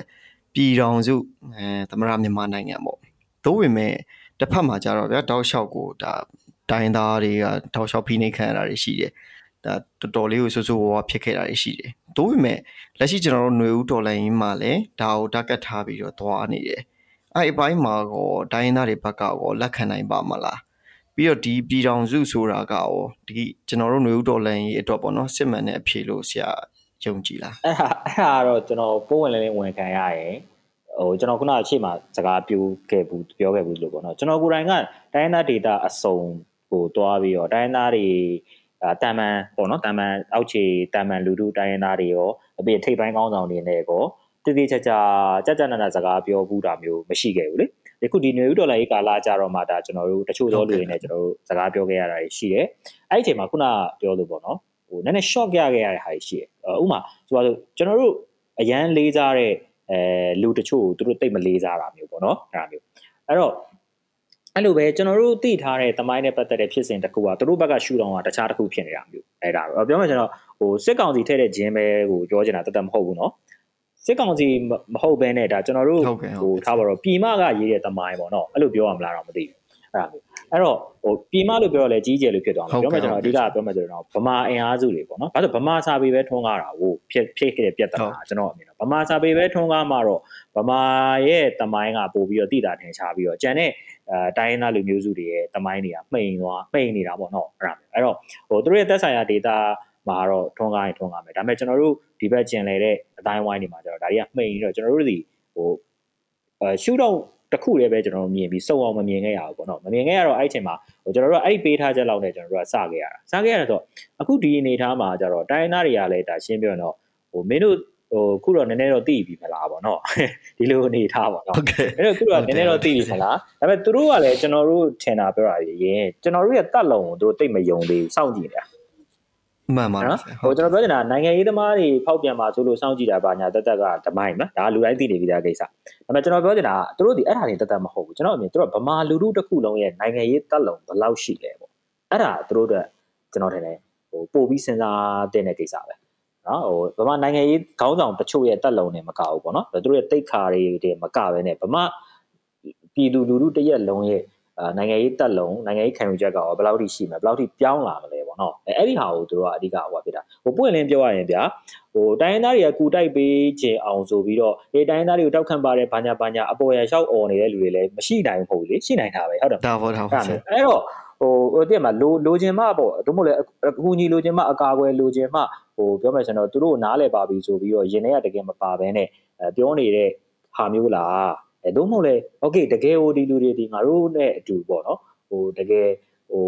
တကယ်ကိုချင်းစာတက်သွားပြီးတကယ်ငါတို့နဲ့အတူဆက်ပြီးတော့ရေရှည်ကြီးတိုက်ပွဲဝင်သွားခြင်းပြီဆိုတော့စိတ်ရှိကြရဲ့လားဆိုတော့သူတို့ကဒါရှင်းပြတော့စောင့်ကြည့်နေတဲ့အနေထားပဲပြောတင်တာကကျွန်တော်အမြင်ပြောရရင်ဒါစာရွက်ပေါ်မှာရှိတဲ့စကားလုံးတွေကအရေးမကြီးဘူးဟောသူကသူ Federal ပဲဖြစ်ဖြစ် Confederation ပဲဖြစ်ဖြစ်ပေါ့နော်ဟိုအရေးမကြီးမဟုတ်ပါဘူးဟိုကြီးတယ်ဒါပေမဲ့တစ်ဖက်မှာတကယ်တကယ်စာရွက်ပေါ်မှာမဟုတ်တဲ့ကိစ္စတွေကအခါကျရင်နည်းနည်းတာသွားတာပေါ့နော် ဟိုဆိုတော့အဲ့ဒီစာရွက်ပေါ်မှာမဟုတ်တဲ့ကိစ္စတွေကြောင့်ဟိုခုနကစာရွက်ပေါ်ကိစ္စတွေကိုဟန်ပြပုံညင်းနေရတယ်လို့ကျွန်တော်ကယူဆတာအဲ့တော့အဲ့တော့ဟိုဥပမာထားပါတော့ဗမာနဲ့ပတ်သက်ဗမာပြည်နယ်ကလုံမာလားမလုံဘူးလားဆိုတဲ့ကိစ္စမျိုးပေါ့နော်အဲ့ဒါဟုတ်ကဲ့အဲအဲ့လိုပဲဟိုအခြေခံဥပဒေနဲ့ပတ်သက်ရင်လည်းကျွန်တော်တို့နည်းနည်းလေးနားလည်လောက်ပြောရရင်အခုကကျွန်တော်တို့ charter သဘောပဲထွက်သေးတာအောင်နော်ဟုတ်ပါ charter သဘောပဲထွက်သေးတယ်ဒါပေမဲ့ဟိုနိုင်ငံရေးအကျင့်လည်းအခြေခံဥပဒေဆိုတာကဟို တည်တည်ငြိမ်ငြိမ်ရှိပြီးတော့မှ AC အချိန်ယူဆွဲပြီးဆွဲတဲ့ဟာမျိုးပေါ့ဒါမှအဆင်ပြေတာဟုဟုတ်တ်တယ်အဲ့တော့အဲ့ဒီအချိန်မှာအခုကျွန်တော်နားလေတဲ့လောက်ကတော့ NUG NUCC တို့ကသူကဂျားကာလအခြေခံဥပဒေဆိုပြီးတော့ဆွဲဖို့တော့ဆွဲနေကြတာပေါ့နော်ဆိုတော့ charter အဆင့်မဟုတ်ဘဲနဲ့နောက်တစ်ဆင့်ထပ်မြင့်ပါပေါ့နော်ဟုတ်ကဲ့အဲ့တော့ဒါပေမဲ့တကယ်အခြေခံဥပဒေတော့မဟုတ်ကြားကလာအခြေခံဥပဒေအဲ့တော့အခုတချို့လူတွေကလည်းပြောတာပါလဲဆိုတော့အဲ့လိုအခြေခံဥပဒေတွေတေချာခိုင်ခိုင်မှာမရှိသေးလို့ဟိုတိုင်းရင်းသားတွေကအဲကျွန်တော်တို့အင်ပြည့်အားပြည့်မကူသေးတာပေါ့အဲဒါတွေရှိသွားမှ ကူမှာပေါ့အဲတချို့ကလည်းအဲ့လိုယူဆတာပေါ့နော်ဟုတ်ကဲ့အဲ့ယူဆကိုကျွန်တော်အတိုင်းအတာတစ်ခုထိတော့လက်ခံတယ်ဒါပေမဲ့ကျွန်တော်ကကျတော့ဘာကိုပို့ပြီးတော့ဟိုစိုးရင်လဲဆိုတော့အဲ့ဒီစာရွက်တက်တက်ကရောတကယ်တမ်းမှာလုံလောက်ရဲ့လားပေါ့ဘာလို့စာရွက်တက်တက်ဆိုရင်ပင်လုံစာချုပ်မှာလည်းကျွန်တော်တို့ကပြောခံနေရဟုတ်ပါပြီဟုတ်ပါပြီအဲ့တော့ပြောတယ်အခု ဟိုကျွန်တော်ပြောချင်တဲ့ point ကတော့ဗျာဟိုတချို့ကရှင်းပြတော့ကိုအားတန်ရာကိုဟိုယူပြီးပြောကြတာပေါ့နော်အဲ့ဒါဥပမာအခြေခံဥပဒေအရန်အားတန်တဲ့လူကလည်းအာဒါဒါဒါပြီးရင်ပွဲပြီးပြီပေါ့ဒါမပြီးသေးလို့ပွဲမပြီးသေးတာအဲဒီလိုပြောတာပေါ့နော်ဟုတ်ကဲ့ဒါပေမဲ့အဲ့တော့ကျွန်တော်ကျွန်တော်အနေနဲ့ကျတော့ရှင်းပြတော့ဟိုဥပဒေတွေစာရွက်ပေါ်ကစကားလုံးတွေထက်စာရင်ကျွန်တော်တို့အချိန်နဲ့လောက်ရက်နဲ့အာယုံကြည်မှုတည်ဆောက်မှုတက်တည်ပြသွားဖို့လိုတယ်လို့ကျွန်တော်ကထင်တယ်အဲ့လိုတက်တည်ကြရမှာဒီ နိုင်ငံရေးခေါင်းဆောင်ပဲပြရမှာမဟုတ်ဘူးဆိုလိုချင်တာအခုဒါဆိုပြည်မကလူအများစုပါနေရလို့ယူဆလို့ရတဲ့ NUG တို့ CRPH တို့ဟို NLD တို့သူတို့ပုံမှာပဲမူတည်တာမဟုတ်ဘူးဗမာလူမျိုးတစ်ခုလုံးပုံမှာကျွန်တော်တို့ကတကယ်မူတည်တာအဲ့ဒါမျိုးအာဘာလို့တိုင်းသားတွေနဲ့ကြီးလိုက်ရင်တို့ကနှစ်ပေါင်း10ချီကျွန်တော်တို့ကတိုက်ပွဲဝင်ခဲ့ရပြီးသွားပြီအာအဲ့တော့အဲ့ဒီအချိန်မှာကျွန်တော်တို့ကအခုမှဒါပါတော့နှစ်နှစ်ပဲရှိသေးတယ်ဒါပြောရရင်လေဒါပေမဲ့ကျွန်တော်တို့ကနှစ်နှစ်ထဲနဲ့ကျွန်တော်တို့ကရေးလေ တိုင်းသားတွေမျက်လုံးနဲ့ဒါကျွန်တော်ပြန်ကြည့်ရပါဒီဘဲတွေတော်တော် drama များတယ်လို့ထင်လားတော့မသိဘူးဟုတ်တယ်ဟုတ်တယ်ဆရာတက်တယ်ကျွန်တော်ဟုတ်ကဲ့ကျွန်တော်တို့က နှစ်နှစ်နဲ့ကျွန်တော်တို့ကရှုပ်ရှက်ကိုကဲနေရပဲပေါ့နော်ပွဲတွေကိုစူးနေရပဲကျွန်တော်တို့ကဟုတ်တယ်အဲ့ဒါသူတို့တွေနှစ်ကို10ချီပေါ့နှစ်80နှစ်50ဟောတော်လန်ခဲ့ရတာကြိတ်ပြီးလုံနေခဲ့ရတယ်အများကြီးဒါပေမဲ့သူတို့ခုနလိုပေါ့ social media ကိုသူတို့ကအရင်အားမကိုးလို့လည်းပါမှာပေါ့နော်ဟုတ်ပါတယ်ဟိုသူတို့ပွဲတွေအဲ့လောက်ရှုပ်ရှက်တွေခတ်မနေဘူးပေါ့နော်ကျွန်တော်တို့ကကျွန်တော်တို့ပြည်မပါလာတော့မှအခုတစ်ဖက်မှာလည်းပြောမယ်ဆိုပြည်မပါလာမှပဲဒါကြီးကပြောမယ်ဆိုတကယ်တနိုင်ငံလုံးနဲ့ဆိုင်တဲ့တော်လှန်ရေးဆိုတဲ့ feeling ကြီးကအခုစပြီးတော့ မှရဟုတ်တယ်တာဆရာနော်ဒါတစ်ဖက်ကကောင်းပွဲတယ်စီသွားတာပါအဲတစ်ဖက်မှာဟုတ်တယ်တစ်ဖက်မှာကြောက်လိုက်တာကျွန်တော်တို့ကပြင်းပြောရင်တော့ဟိုတအားလှုပ်တယ်ပေါ့တအားလှုပ်တယ်ဆိုတော့ဟိုကျွန်တော်ထင်တာသူတို့စိတ်ထဲမှာဒီကောင်လေးတော်ကြခြေကုံလက်ပန်းစောစီးကြသွားရင်ငါတို့ကြီးပဲကြံခဲ့ဒုက္ခပဲပေါ့နော်ဟုတ်တယ်ဟုတ်တယ်အဲ့လိုမျိုးအဲ့လိုလဲတွေးနေနိုင်တယ်ပေါ့နော်တွေးနေနိုင်တော့ကျွန်တော်အဲ့အကြောင်းဟိုပြည်သူလူထုကိုကျွန်တော်ကလေမြေတားရက်ခံနေတာကပါလဲဆိုတော့တော်လိုင်းနဲ့ပတ်သက်လို့ကိုမယူနိုင်တဲ့စွန်စားမှုမျိုးမဟုတ်လို့ကိုမလုတ်ရဲတဲ့ကိစ္စမျိုးမဟုတ်လို့မလုတ်ရင်တော့မှလုတ်ရဲတဲ့လုတ်နိုင်တဲ့ကိစ္စတွေကိုတော့ ဟိုအကျိုးသက်ရောက်မှုတွေနည်းနည်းလေးပဲရှိရှိဆက်လုပ်နေဖို့လိုတယ်အဲ့ဒီဆက်လုပ်နေခြင်းဒီသူ့တယောက်စာတည်းမကပဲねကျွန်တော်တို့လူမျိုးတစ်မျိုးလုံးပေါ့နော်ကျွန်တော်တို့ဒီနိုင်ငံတစ်ခုလုံးကိုယုံကြည်မှုတည်ဆောက်တဲ့နေရာမှာလာပြီးအသုံးဝင်နေတယ်ဆိုတာလေးကိုကျွန်တော်ကဟိုတတိရစေချင်တယ်ပေါ့နော်ဟိုကျွန်တော်တို့ click ခိုင်းနေဆိုတာအဓိကအဲ့ဒါ ဘာလို့ click တဲ့လူကြီးအတွက်ထားပါတော့9000ရှိရယ်တသိန်းရှိရယ်ဆိုရင်ကျွန်တော်တို့ကပြောရတာပါဆိုတော့ဩဒီဒါတွေဒီလူတွေဒီဒီလိုအချိန်ပေးပြီးတော့ဒီလိုလုပ်နေတဲ့အင်အားစုကြီးတွေ့လားအဲဒါမျိုးကျွန်တော်ပြလို့ရပါတော့ဟုတ်ကဲ့အရင်တော့ဆိုရင်ဒီခါကျရင်ရှိရတော့ data alike clip application လေးတွေကိုပါကျွန်တော်တို့ဆိုညွှန်ပေးဘူးပေါ့နော်ဟုတ်ကဲ့ဟို clip for Karen တို့ clip for Kachin တို့အဲ့လိုဟာမျိုးတွေရှိတယ်အဲ့တော့အဲ့ဒီမှာဟိုထားပါတော့ တကယ် main application တွေမကဘဲနဲ့ clip for Kachin ဆိုတာ Kachin ဘက်က data ကိုလှူမှာအဲ clip for Karen ဆို Karen ဘက်ကိုလှူမှာအဲ့ဆိုအဲ့ဒါဒီလေ clip ပေးကြနော်ဆိုတာမျိုးကျွန်တော်တို့ဟိုညွှန်ပေးခဲ့ဘူးတယ်ဒါပေမဲ့ဟိုသူတို့ကိုယ်တိုင်ကဒါပြော user ကျွန်တော်ထင်လောက်မတက်လာတော့တခါကျနည်းနည်းလေးနှေးသွားတော့ဟိုတန်ပိုပြန်ကျသွားတာပေါ့နော်ဒီ clip တဲ့လူကလည်းနည်းသွားတော့အဲ့တော့ဟိုပြောချင်တာပါလဲဆိုတော့ခုနလိုမျိုးဟာတွေမှာじゃရှင်းပြောကျွန်တော်တက်တည်ပြရမှာဟုတ်နော်ကျွန်တော်တို့ကဟိုပြောသွားပြီးတော့ပေါ့နော်ဟိုမှာ comment လေးနဲ့သွားပြီးတော့အဲထားပါတော့ဟို PDF တွေနဲ့တကွ ဟိုတိုက်ပွဲဝင်နေတဲ့ကရင်စစ်တီတော်တွေလည်းကျမ်းမာချမ်းသာပါစေ comment လေးတစ်ခုလောက်တက်တက်ကဟိုအလုံးမဖြစ်ဘူးဗျာဟိုဟုတ်ကဲ့ဘာမှမရတဲ့ဆိုင်တော့တော်သေးတာပေါ့နော်ဟုတ်ပါဘူးဘာမှမရတဲ့ဆိုင်တော့တော်သေးရဲ့ဒါပေမဲ့ okay အဲ့ဒါဆိုမင်းခုနဒီကရင်ကရင်စစ်သားတွေကရင်ပြည်သူတွေအတွက်မင်းဘာကူပေးမလဲပေါ့အဲဟုတ်တယ်မလားအဲ့တော့အဲ့တော့အဲ့လိုအဲ့လိုကူပေးဖို့မှာခုနကငွေကြေးရအဆင်မပြေဘူးဆိုတော့အချိန်လေးနည်းနည်းဖဲ့ပေးနိုင်မလားအဲဒါတွေကကျွန်တော်တို့ကဟိုအလုံးနဲ့တက်တည်ပြရမှာပေါ့နော်အဲ့လိုတက်တည်ပြတာများလာရင်ကျွန်တော်အမြင်ပြောနော်ကျွန်တော်အမြင်ပါဆိုတော့ ပြည်သူလူထုကတက်တည်ခိုင်ခိုင်မာမာပြတာများလာရင်အဲကျွန်တော်ထင်တယ်နိုင်တိုင်းသားတွေအင်အားစုတွေကပါပေါ့နော်ဗမာမဟုတ်တဲ့တိုင်းသားအင်အားစုတွေကဘာကိုစဉ်းစားမလဲဆိုတော့အနည်းဆုံးတော့ဗမာနိုင်ငံရေးကောင်းဆောင်တချို့ဖောက်ပြန်သွားရင်တောင်မှဥမာပြောနော်ဟုတ်ဗမာနိုင်ငံရေးကောင်းဆောင်တချို့ဖောက်ပြန်သွားရင်တောင်မှဗမာပြည်သူလူထုကတော့ငါတို့နဲ့အတူဆက်ပြီးတိုက်ပွဲဝင်နေမှာဖြစ်တဲ့အတွက်ငါတို့နဲ့အတူဆက်ပြီးတိုက်ပွဲဝင်မဲ့ဗမာနိုင်ငံရေးကောင်းဆောင်အစ်စ်တွေပေါ်လာမှာပဲသူတို့နဲ့ငါတို့ဆက်ပြီးအလုပ်တွဲလုပ်လို့ရမှာပဲအဲအဲ့ဒီအတွက်ငါတို့ဒီဟာကြီးကို ဟိုတုံပြီးတော့ဒီထက်ပိုပြီးတော့အားစိုက်ရဲတယ်ဆိုတာမျိုးကျွန်တော်ဖြစ်လာနိုင်မယ်လို့ထင်တယ်အဲ့ဒါမျိုးပေါ့နော်အဲ့တော့အဲ့လိုမဟုတ်ဘဲနဲ့သူတို့စိတ်ထဲမှာပေါ့နော်သူတို့စိတ်ထဲမှာဒီကောင်ဗမာနိုင်ငံရေးကောင်းဆောင်တစ်ယောက်နှစ်ယောက်ဖောက်ပြန်လိုက်တာနဲ့ဗမာလူမျိုးတွေကဒီကောင်တွေစကားပဲနားယောင်ပြီးတော့ for sure ကြီးပါသွားပြီးတော့ငါတို့ရဲ့စစ်ကောင်စီကိုဆက်ပြီးဆက်ချနေရမယ်ဆိုတော့မဟုတ်သေးဘူးဟာပေါ့နော်အဲဒီလိုမျိုးဟဟိုဖြစ်နေမယ်လို့ဟိုတချို့ချိန်ချိန်ကောင်းချိန်နေမယ်လို့ကျွန်တော်က ဟိုတွေးကြတာပေါ့နော်တွေးကြတာဆိုတော့ကျွန်တော်အနေနဲ့ကတော့ဟိုသူတို့ခေါင်းဆောင်ပိုင်းတွေညှိတာခေါင်းဆောင်ပိုင်းတွေယုံကြည်မှုတိဆောက်တာဒါတွေကသူတို့ကိစ္စနော်ကျွန်တော်တို့ဝင်ပါလို့လည်းမရဝင်ပြောလို့လည်းမရဘူးဟိုဟိုသူတို့သူတို့သူတို့နေထားနေသူတို့လုပ်နေကြတယ်ကျွန်တော်တို့ပြည်သူတွေဘက်ကကျွန်တော်တို့လုပ်နိုင်တာတော့ဗာလဲဆိုတော့တိုင်းရင်းသားတွေကအာခုနကပေါ့နော်တိုင်းရင်းသားဆိုတမျိုးဖြစ်မှာဆိုလို့ဗမာမဟုတ်တဲ့တိုင်းရင်းသားတွေပေါ့နော်ဗမာလည်းတိုင်းရင်းသားပဲအဲ့တော့အဲအဲ့တခြားသောတိုင်းရင်းသားတွေကကျွန်တော်တို့ တွေပေါ်မှာပို့ပြီးတော့ယုံကြည်မှုရှိလာအောင်ပြည်သူတူတယောက်ချင်းကရောဘာတွေဆက်လုပ်နေလို့ရမလဲပေါ့အဲဒါမျိုးလေးတွေလုပ်နေမှပဲကျွန်တော်တို့ကတော့ဟိုတနိုင်ငံလုံးတကယ်ခုနဟိုတော်ကီရသုံးနေတဲ့ပြည်ထောင်စုပေါ့နော်အဲဒီ Federal ပြည်ထောင်စုပါညာဟိုဒါမျိုးဖြစ်လာနိုင်တယ်လို့ယူဆတယ်ပြီးတော့နောက်နောက်တစ်ခုကပေါ့နော်ကျွန်တော်တို့ပုံမှန်လည်းပြောရရင်တော့ Federal ပြည်ထောင်စုတဲကိုပါလာမဲ့အာဟိုလူမျိုးစုတွေရှိတယ်မပါလာဘဲနဲ့အာထားပါတော့ဟိုတီးတဲ့ ထွက်ချင်တဲ့လူမျိုးစုတွေပေါ့နော်ဒါတော့တောင်မှမလေချင်တော့ဘူးဆိုလူမျိုးတွေရှိရင်လေကျွန်တော်အမြင်ကတော့တက်ဆိုင်ရာ data တက်ဆိုင်ရာလူမျိုးတွေကဟိုပေါ့နော်ဟို data ကန်တွေတက်ဆိုင်ရာလူမျိုးတွေကခွဲထွက်ချင်နေရင်ခွဲထွက်ခွင့်ပေးတာကပဲ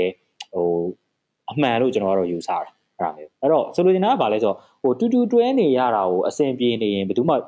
ဟိုခွဲမထွေမထွက်ချင်ပါဘူးအဲ့ဒါမျိုးအဲ့လိုပဲအခုအဆင်မပြေပေမဲ့နောင်အဆင်ပြေလောက်မှာမယ်လို့ယုံကြည်မှုရှိနေလဲဟိုခဏတော့တောက်ခံပေးဦးမှာပဲခွဲထွက်ချင်မှာမဟုတ်ဘူး ဘလို့မှအဆင်မပြေတော့လို့ဒါသူတို့ခွဲထွက်ချင်တာလေအဲ့ဒါအဲ့တော့တကယ်လို့များခွဲထွက်ချင်လာခဲ့တာရှိရင်လေအဲခွဲထွက်ချင်တဲ့အစိပ်ပိုင်းကိုတော့အော်ခွဲထွက်ခွင့်ပေးတဲ့တယ်လို့ကျွန်တော်ကတော့ကျွန်တော်တကူသာရကျွန်တော်ယူဆတာပေါ့နော်အဲ့ဒါမျိုးအဲ့ဒါအောင်မှအဲ့ခွဲထွက်ခဲ့တဲ့လူတွေကအချိန်တန်တော့ပေါ့နော်ယုံကြည်မှုတွေအချင်းချင်းပို့ပြီးတော့ပြန်ရလာလို့ပြန်ပြီးတော့ပေါင်းစည်းတဲ့ပုံစံတစ်ခုနဲ့အလုပ်လုပ်မလားဟုတ်နော်ဟိုအနေဟိုကျွန်တော်တို့ဟိုလူဘိန်းစကားနဲ့ပြောရရင်တော့ဟိုတိန်နဲ့တူတူနေလို့မရတော့ရင်တော့အိမ်ကြီးချင်းကောင်းနေတော့ဖြစ်လို့ရသေးတယ်ဗျာအဲ့ဒါအဲ့တော့ဆိုတော့အဲ့လိုမျိုး ဟိုစဉ်းစားတဲ့ဘက်ကိုကျွန်တော်ကတော့ပို့ပြီးတော့အားတန်တယ်။ဘာလို့လဲဆိုတော့ခုနကပြောလို့ပေါ့နော်အကုန်လုံးရှိသမျှလူတွေအားလုံးကိုမတည့်လဲမတည့်တဲ့အောင်နေဆိုပြီးစုစည်းတယ်ဆိုတဲ့ကိစ္စကဟိုတနိုင်ငံလုံးအတိုင်းအတာမပြောနဲ့ခုနညီကိုဆိုလဲ အာအဖွဲတစ်ခုမှဥဆောင်ခဲ့ရတော့သိလိမ့်မယ်အဲ့လိုပြောခံရရင်ကျွန်တော်တို့ကိုယ်တိုင်အဆမကြိုက်ဘူးလေဟုတ်တယ်မလားဟုတ်ကဲ့ကျွန်တော်ကျွန်တော်တို့ကိုယ်တိုင်အချင်းချင်းကြားထဲမှာပြဿနာတက်ရင် EAO ရပါပြောလဲဆိုအဲ့စကားပြောလို့ရှိတယ်ဟုတ်ကဲ့ကျွန်တော်ဒေါ်လာအိလာလောက်တာဟုတ်ကဲ့နော်တဲ့အောင်နေအဲ့ဒါအဲ့တော့အဲ့ဒီမှာမဟုတ်ဘူးတဲ့အောင်ကနေတယ်ဒါပေမဲ့ဟိုဖြစ်နေတဲ့အကြောင်းရင်းတွေကဒါတွေဒါတွေကြောင့်မတည့်တာဒါတွေကိုဖြည့်ရှင်းမှရမှာအဲစပဒါမျိုးတွေကျွန်တော်တို့တော်တော်လေးကိုကြိတ်နေပြောရဆိုတော့ဆွေးနွေးရတယ်ဆိုတော့ကျွန်တော်ထင်တယ်မတည့်အတူနေဆိုတဲ့ကိစ္စကဟိုတကယ်ကိုကောင်းမွန်တဲ့စနစ်ကြီးတစ်ခုရှိနေပြီးတော့ အာကောင်းမွန်တဲ့မျှော်လင့်ချက်အားလုံးရဲ့ဒီမှချက်ပန်းတိုင်ကြီးကတကယ်ကိုတိတာမြင်တာထင်ရှားပြီးတော့တကယ်ခိုင်မာနေမှဖြစ်နိုင်မယ်အဲ့လိုတိတ်ပြီးတော့မရှိဘူးဆိုရင်တော့အာခွဲနေတဲ့လည်းနေအဲဒါပေမဲ့ကောင်းမွန်တဲ့ဆက်ဆံရေးရှိနေမယ်အဲဘုံရန်သူတချို့ရှိနေမယ်ဒါမှမဟုတ်လည်းဘုံအကျိုးစီးပွားတချို့ရှိနေမယ်ဆိုရင်ကျွန်တော်တို့တက်ကတော့အဆင်ပြေတယ်လို့ကျွန်တော်ယူဆတာပေါ့နော်အဲ့ဒါအဲ့အတွက်ဟိုဒါကျွန်တော်တို့ကကျတော့အဲ့လိုပေါ့ဒီတိုင်းတိုင်းသားတွေနဲ့လူမျိုးစုတွေနဲ့ပတ်သက်တဲ့နိုင်ငံရေးကိုကျွန်တော်တို့အများကြီးမသိဘူးအဲဒါပြည်သူတယောက်ရဲ့ခံစားချက်ကျွန်တော်တို့ အာလက်ရှိဒီကာလလေးအတွင်းမှာဆက်ဆံရတဲ့တိုင်းရင်းသားတွေကတချို့သောလူတွေနဲ့စကားပြောတာအရာအာသူတို့ဘက်ကကျွန်တော်တို့ဟိုစဉ်းစားကြည့်တဲ့ပုံစံကျွန်တော်တို့ဘက်ကစဉ်းစားရတဲ့ပုံစံနဲ့ကျွန်တော်သိလောက်ကျွန်တော်ပြောတဲ့သဘောပါဟုတ်ဟုတ်ကဲ့ဆရာကျေးဇူးတင်ပါတယ်ဆရာကပြောတာနဲ့ပတ်သက်ပြီးတော့ကျွန်တော်ကဒါဘာပြောဟို totally ပေါ့နော် agree ဖြစ်တာပေါ့တော်တော်ထောက်ခံတယ်လို့ပြောလို့ရတယ်ဘာကြောင့်လဲဆိုတော့ကျွန်တော်တို့အဲ့ကိုရောက်တယ်ပေါ့နော်ဒါကျွန်တော်လွမြောက်နေမြေရောက်တယ်ပြီးရင်ကျွန်တော်လူကြီးတွေသက်ဆိုင်တဲ့လူတွေနဲ့တွေ့တင်တန်းနေပါတက်တင်တန်းနေပါဆင်းသူတို့ရှိမှာ ဒါခဏနေပေါ့နော်ပြီးရင်လိုအပ်တာဘာညာလှုပ်ပေးတဲ့ကာလတစ်လျှောက်လုံးမှာကျွန်တော်တို့စကားဝိုင်းပြီးပြောကြပြီးဆိုလို့ရှိရင်အမြဲမေးတဲ့စကားပေါ့နော်အဲ့ဒါကဲဖို့ကွာဖို့ကွာတော့အကယ်၍အဲတော်တာလာလာအကယ်၍ပရိကတော့မြန်မာစကားသိမတက်ဘူးအကယ်၍ခြေနေတစ်ခုခုအပြောင်းလဲဖြစ်သွားရင်ဖို့ကွာတော့ဘယ်လိုဆက်လုပ်မလဲပေါ့အာပရိကျွန်တော်တို့ကပရိတို့နဲ့ပဲစက်ချောင်းဟောဟုတ်တယ်အဲ့ဒါဆိုသူတို့အရန်သဘောကျတာ ဟိုတော်တော်လေးလဲပေါ့နော်ဟိုမြင်တာတယ်ပေါ့နော်သူတို့ပြုံးတဲ့အပြုံးပါပေါ့နော်အဲ့လိုပဲတောက်လျှောက်သွားခဲ့ရအဲကျွန်တော်တို့အတိုင်းတာတစ်ခုနဲ့အချိန်နေရပါတော့ကွဲခွာတဲ့အချိန်မှာလေသူတို့အမြဲပြောတာပေါ့နော်ဒါပါတီတို့လည်းအမြဲတမ်းရှိနေမှာဘာမှစိတ်မပူနဲ့နိုင်တဲ့ဘက်ကိုပဲဒီလိုပဲဝိုင်းမယ်ဝင်းမယ်ဆိုတဲ့အချိန်မှာသူတို့ကဟိုပြောတာပေါ့နော်ဒီလိုမျိုးခိုက်တက်မျိုးတခါမှသူတို့ဘဝမှာမကြုံဘူးပေါ့သူတို့အဖေတွေလည်းမကြုံခဲ့ဘူးပေါ့ အဲ့အတွက်လည်းဒါကြီးကိုသူတို့အများကြီးမျှော်လင့်ထားတယ်ဆိုတဲ့ခံစားချက်လည်းရှိကြပါတယ်ဒီ EAO တွေမှာပေါ့နော်ဒီလောက်ထိတနိုင်ငံလုံးပြီးပါပါလာတယ်ဆိုတော့အခင်းအကျင်းမျိုးပေါ့နော်အဲ့တော့လက်ရှိမှာဆရာနယူဒေါ်လာနဲ့ပတ်သက်ပြီးတော့ဒါဆရာလည်းတောက်လျှောက်ပေါ့နော်နိုင်တဲ့ဘက်ကနေတောက်လျှောက်စူးစမ်းအားထုတ်နေတာအဲ့တော့လက်ရှိအခုဆရာအကြောင်းအရာတွေကိုနားထောင်နေတဲ့ဒါပြည်သူတွေ listener တွေအတွက်ဆရာနောက်ဆုံးဒါအနှစ်ချုပ်ပြောပြချင်တာတွေ share ချင်တာရှိရင်လည်းပြောပြပေးပါအောင်ခင်ဗျာဆရာ ဟောပေါ့နော်ကျွန်တော်ပြောချင်တဲ့အချက်တော်တော်များများတော့ဟိုခုနကတည်းကပါပြီးသွားပြီပေါ့နော်ပါပြီးသွားတော့ကျွန်တော်အဲ့လိုပေါ့လိုရင်းလေးကိုချက်အဓိကချုပ်ပြီးပြောရရင်တော့ဟိုကျွန်တော်တို့အခုဘာကြောင့်တော်လန်နေကြရဲဆိုတော့ဘန်းတိုင်းကိုတွေမကပဲနဲ့အဲ့ဒီဘန်းတိုင်းကိုရောက်တည်ဖြစ်စေမရောက်တည်ဖြစ်စေရောက်မှကျင်တတ်တာပျော်ရွှင်တာမျိုးတွေမဟုတ်ပဲနဲ့တိုးတက်မှုတစ်ခုရှိနေတိုင်းမှာအဲ့တိုးတက်မှုတွေပေါ်မှာကျွန်တော်တို့ဟိုကျင်တတ်တာအတိအမှတ်ပြုတာနောက်ဆုံးခုနကကျွန်တော်ပြောသူပေါ့နော်တိုးတက်မှုရှိမနေပဲတခါကြီးကြရင်ဗျာ ဟိုတစ်နေရဆိုတဲ့အချိန်လေးတွေရှိတတ်တယ်အဲအဲ့လိုရှိနေရင်တောင်မှငါတို့ဒါကိုလုပ်နေရတာဒီငါတို့လူပီတာဖို့အတွက်ဆိုတော့ဟိုခံစားချက်တွေနဲ့အာခံယူချက်တွေနဲ့ကျွန်တော်တို့ဆက်ပြီးတော့ဟိုတော်လိုင်းမှာပူးပေါင်းပါဝင်နေစေချင်တယ်အဲပြီးသွားရင်ပေါ့နော်ကျွန်တော်တို့ဒီအဖွဲ့အစည်းတိုင်းမှာလူအဖွဲ့အစည်းတိုင်းမှာကျွန်တော်လူအတိုင်းဝိုင်းတိုင်းမှာအနှစ်ရှိတယ်အကာရှိတယ်နောက်ဆုံးအခွန်ရှိတယ်ပေါ့နော်သူ့အတိုင်းတာနဲ့သူဟိုပေးဆက်နေကြတယ်သူ့အတိုင်းတာနဲ့သူဟိုလဲပတ်နေကြတယ်အဲ့တော့ကိုကအနှစ်ပဲဖြစ်ဖြစ်အကာပဲဖြစ်အခွန်ပဲဖြစ်ဖြစ် ဟိုလူတိုင်းကဟိုရှင်းပြောတော့ဟိုအနှစ်တော့ဖြစ်စေခြင်းပဲမဲ့အကာတွေအခွန်တွေဆိုရင်လည်းကျွန်တော်တို့ကသူတို့ရဲ့တန်ဖိုးနဲ့သူတို့ရှိတော့သူတို့ကိုကျွန်တော်တို့ဘယ်လိုမျိုးဟိုပြောမယ်ဆိုတော့ကိုရင်းနဲ့ပို့ပြီးဆက်ပြီးတော့ပူပေါင်းပါဝင်ခြင်းအောင်ပူပေါင်းပါဝင်နိုင်အောင်အဲဘယ်လိုမျိုးဟိုစီးယုံကြရင်ကောင်းမလဲဆိုတာကိုလည်းစိတ်အေးနဲ့စဉ်းစားပြီးတော့ဟိုစီးယုံစေခြင်းနဲ့ကျွန်တော်တို့ဒီလိုပေါ့ လူအများကြီးကိုကျွန်တော်တို့ပေါ့နော်စာရေးပြီးပြောတာပဲဖြစ်ဖြစ်ခုလိုကျွန်တော် podcast ကနေပဲပြောတာပဲဖြစ်ဖြစ်ပြောတာတွေကအတိုင်းအတာတစ်ခုထိနည်းနည်းတော့ထိရောက်ပင်မဲ့တကယ်တကယ်တမ်းတယောက်ချင်းနှစ်ယောက်ချင်းအေးအေးဆေးဆေးလေးစကားပြောတာတော့ဘလို့မှထိရောက်အောင်မဟုတ်ဘူးအဲ့တော့အဲ့ဒီလိုမျိုးဟာတွေကိုကြတော့ဒါရှင်းပြတော့ဟိုပြည်သူတွေအချင်းချင်းကပဲကျွန်တော်တို့ဟိုလုံမရမယ်လို့ထင်တယ်ပေါ့နော်အဲ့အဲ့ဒါကျွန်တော်တို့ကဟိုဒါလေးတွေကိုကျွန်တော်တို့ကလှုပ်စီဟုတ်ကဲ့ဆရာအဲပြီးတော့ဒီ dollar ရေးနဲ့ပတ်သက်လို့ပဲဖြစ်ဘာပဲဖြစ်ပေါ့သူကအလုပ်တစ်ခုလုပ်ပြီးဆိုရင်တက်နိုင်တာတော့ motivation ပေါ့နော်စိတ်သက်ခွန်အားတက်တယ်ကြတယ်ဆိုတဲ့ကိစ္စကတော့ဖြစ်တာပဲ အဲ့တော့အဲ့ဒီအချိန်မှာစိတ်သက်ခွန်အားတက်ခြင်းကြခြင်းပေါ့မမူတည်ပဲနဲ့ပေါ့နော် discipline လို့ခေါ်တဲ့အဲစီကံပေါ့အဲ့လိုစီကံအဲ့ဒီပုံမှာမူတည်ပြီးတော့အလုပ်လုပ်နိုင်လာရင်တော့ဟိုပို့ပြီးတော့လက်တွေ့ကြရလို့ကျွန်တော်ကယူဆတယ်။ဟိုမှာစိတ်ပါမှထားလုပ်လိုက်တာမျိုးစိတ်မပိုင်လုံးဝမလုပ်တော့တာမျိုးမဟုတ်ပဲねအဲစိတ်ပိုင်တော့ပို့လုပ်မယ်ဒါပေမဲ့စိတ်မပိုင်တော့ဘယ်အပိုင်းတော့အနည်းဆုံးလုပ်ပေါ့အဲဒီလိုမျိုးတော့ကျွန်တော်ကတော့ဟိုရှိနေစေချင်တယ်အဲ့လိုရှိနေတဲ့လူများလာလေကျွန်တော်တို့တော်လေးအောင်မြင်နိုင်ကြရလဲ ဟိုများလာလေပဲပေါ့နော်အဲပြီးသွားရင်တော်လိုင်းနဲ့ပတ်သက်လို့ကျွန်တော်တို့ရင်ဖွင့်လို့ရမယ်စကားပြောလို့ရမယ်အတိုင်းဝိုင်းတစ်ခုအာပေါ်ရာမိတ်ဆွေအပေါင်းအသင်းတငယ်ချင်းဒါတွေလည်းလိုပါတယ်အာအဲ့တော့လူတိုင်းကတော့တရားရာခိုင်နှုန်းတော့မပြည့်စုံဘူးပြည့်စုံကိုနဲ့ကြိုက်လောက်မယ်ဆိုတဲ့အပိုင်းမှာအဲဒီလူနဲ့တော့ဒီအကြောင်းအရာတော့ငါစကားပြောလို့ရတယ်ရင်ဖွင့်လို့ရတယ်ဆိုတော့ဟိုအတိုင်းဝိုင်းလေးတွေ community လေးတွေကိုဝင်ထားစေခြင်းနဲ့ရောက်နေစေခြင်းနဲ့အဲ့တော့ဟိုကိုဆွဲတာတော့မဟုတ်ဘူးပေါ့နော်ဒါ clicker community တို့ဘာလို့ click community တို့ဘာလို့ဆို အဲ့လိုမျိုးဝင်လို့ဟိုကောင်းတဲ့နေရာမှာပါတယ်ပေါ့နော်ဒါဒါပေမဲ့ဟိုသတိလိုရမယ်အကြိုပေးရရင်တော့ဒါဟိုအကောင့်တူတွေနဲ့ချိတ်ဆက်တာတို့ဘာလို့ပဲအဓိကလုပ်ပေါ့နော်အဲနောက်မှအရန်စိတ်ချရပြီဆိုတော့မှတယောက်နဲ့တယောက်ဘယ်လိုဆိုတာပေးတည်တာမျိုးကျွန်တော်လုပ်လို့ရတာပဲပေါ့နော်အဲ့တော့ဟိုတယောက်တည်းကြီးအထီးကျန်တယ်လို့ခံစားရသွားရင်ကျွန်တော်တို့ကဟိုပြောမှဆိုပြင်းသွားတတ်တာပေါ့နော်အဲ့ဒါမျိုးအဲကျွန်တော်တို့လူမျိုးကပို့ဆိုးတာပေါ့နော်ဟိုမှာ ဟိုပြောမှဆိုရင်တခုလုပ်မယ်ဆိုအဖို့လေးပါမှဆိုတဲ့လူမျိုးပေါ့နော်အဲ့တော့ကိုကအဲ့လိုအချင်းရှိနေတဲ့လူတွေဆိုရင်ပို့ပြီးတော့ခုနလိုကိစ္စအရေးကြီးတယ်အဲ့တော့အဲ့ဒီအချိန်မှာ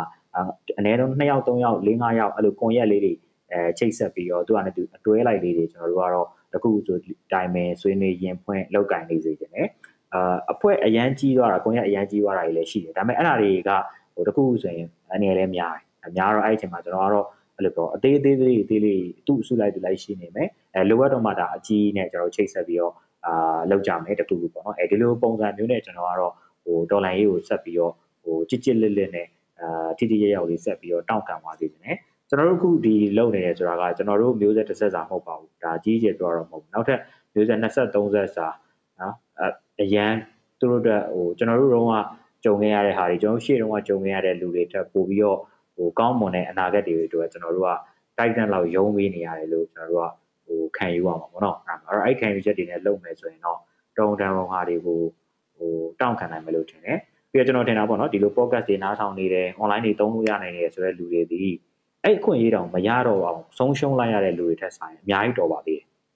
ဟုတ်တယ်မလားအဲ့ဒါမျိုးဥမာဟိုကိုအိမ်နေပြီးရှုခံလိုက်ရတယ်ဟောနော်အဲ့ data တခုလုံး line ဖြတ်ခံထားရတယ်အဲဒီလိုဒီလိုနေရာတွေကပြည်သူတွေတောင်မှ အရှုံးမပေးသေးပဲနဲ့ဒီဒေါ်လာရေးပေါ်မှာဟိုငါအိမ်ကိုပဲမီးရှို့လို့ရရင်ရမယ်ပေါ့နော်ငါစိတ်ထဲကဒေါ်လာနဲ့စိတ်ကိုမီးရှို့လို့မရအောင်ဆိုပြီးတော့ဟိုစတေကာဂိုင်ပြီးတော့ဆန္ဒပြတဲ့ပုံစံမျိုးတွေအစားကျွန်တော်တို့တွေ့ခဲ့ရတာဟုတ်အဲအဲ့လိုပဲအာပြောမယ်ဆိုရင်ကိုကိုရဲ့အိမ်လေးပြီးရှုခံလိုက်ရတယ်ဒါပေမဲ့ကြံခဲ့တဲ့ရွှေလက်ကောက်လေးနှစ်ကွင်းကိုချွတ်လူတာတို့ပါလို့ဆိုတော့ဒီလိုခံရတဲ့ဒုက္ခတွေပေါ်မှာမူတည်ပြီးတော့ဒီလိုတောင့်ခံနေတဲ့လူတွေရှိနေတယ်ဆိုတဲ့ဟာကိုကျွန်တော်တို့ကဟိုမမေ့ဖို့လိုတယ်ပေါ့နော်ဟိုပြောမယ်ကျွန်တော် ဟိုတော်လိုင်းရေပေါ်စီပဲပြောပြောပေါ့နော်ဟိုတချို့သောလူတွေပျော်နေကြတာရှိတယ်ဒါပေမဲ့အဲ့ဒါလည်းကျွန်တော်တို့ကလိုလာတဲ့ပုံပြီးချဲ့မမြင်ဖို့လိုတယ်ဟိုဥမာအဟောင်းပဲပေးရရင်တော့ white book ပေါ်မှာအမဲဆက်ချလိုက်တယ်ပေါ့နော်အမဲဆက်ချလိုက်တော့အမဲဆက်ကြီးပဲတွေ့ပြီးတော့ဘဲနေရလို့သွားမတွေ့ဘူးလို့ပေါ့နော်ဟိုဟိုမြို့ကြီးတွေမှာလူကတန်းချီရှိတော့တချို့သောနေရာတွေမှာလူပြည့်နေတာလူရှန်နေတာဒါတွေကတော့ရှိမှာပဲဒါပေမဲ့အဲ့ဒါတက်တက်လောက်နေတာတော်လေကြီးတစ်ခုလုံးကြီးကဟိုလူတွေကတော်လိုင်းကိုစိတ်ဝင်စားတော့ဘူးဒီမှာတော်လိုင်းက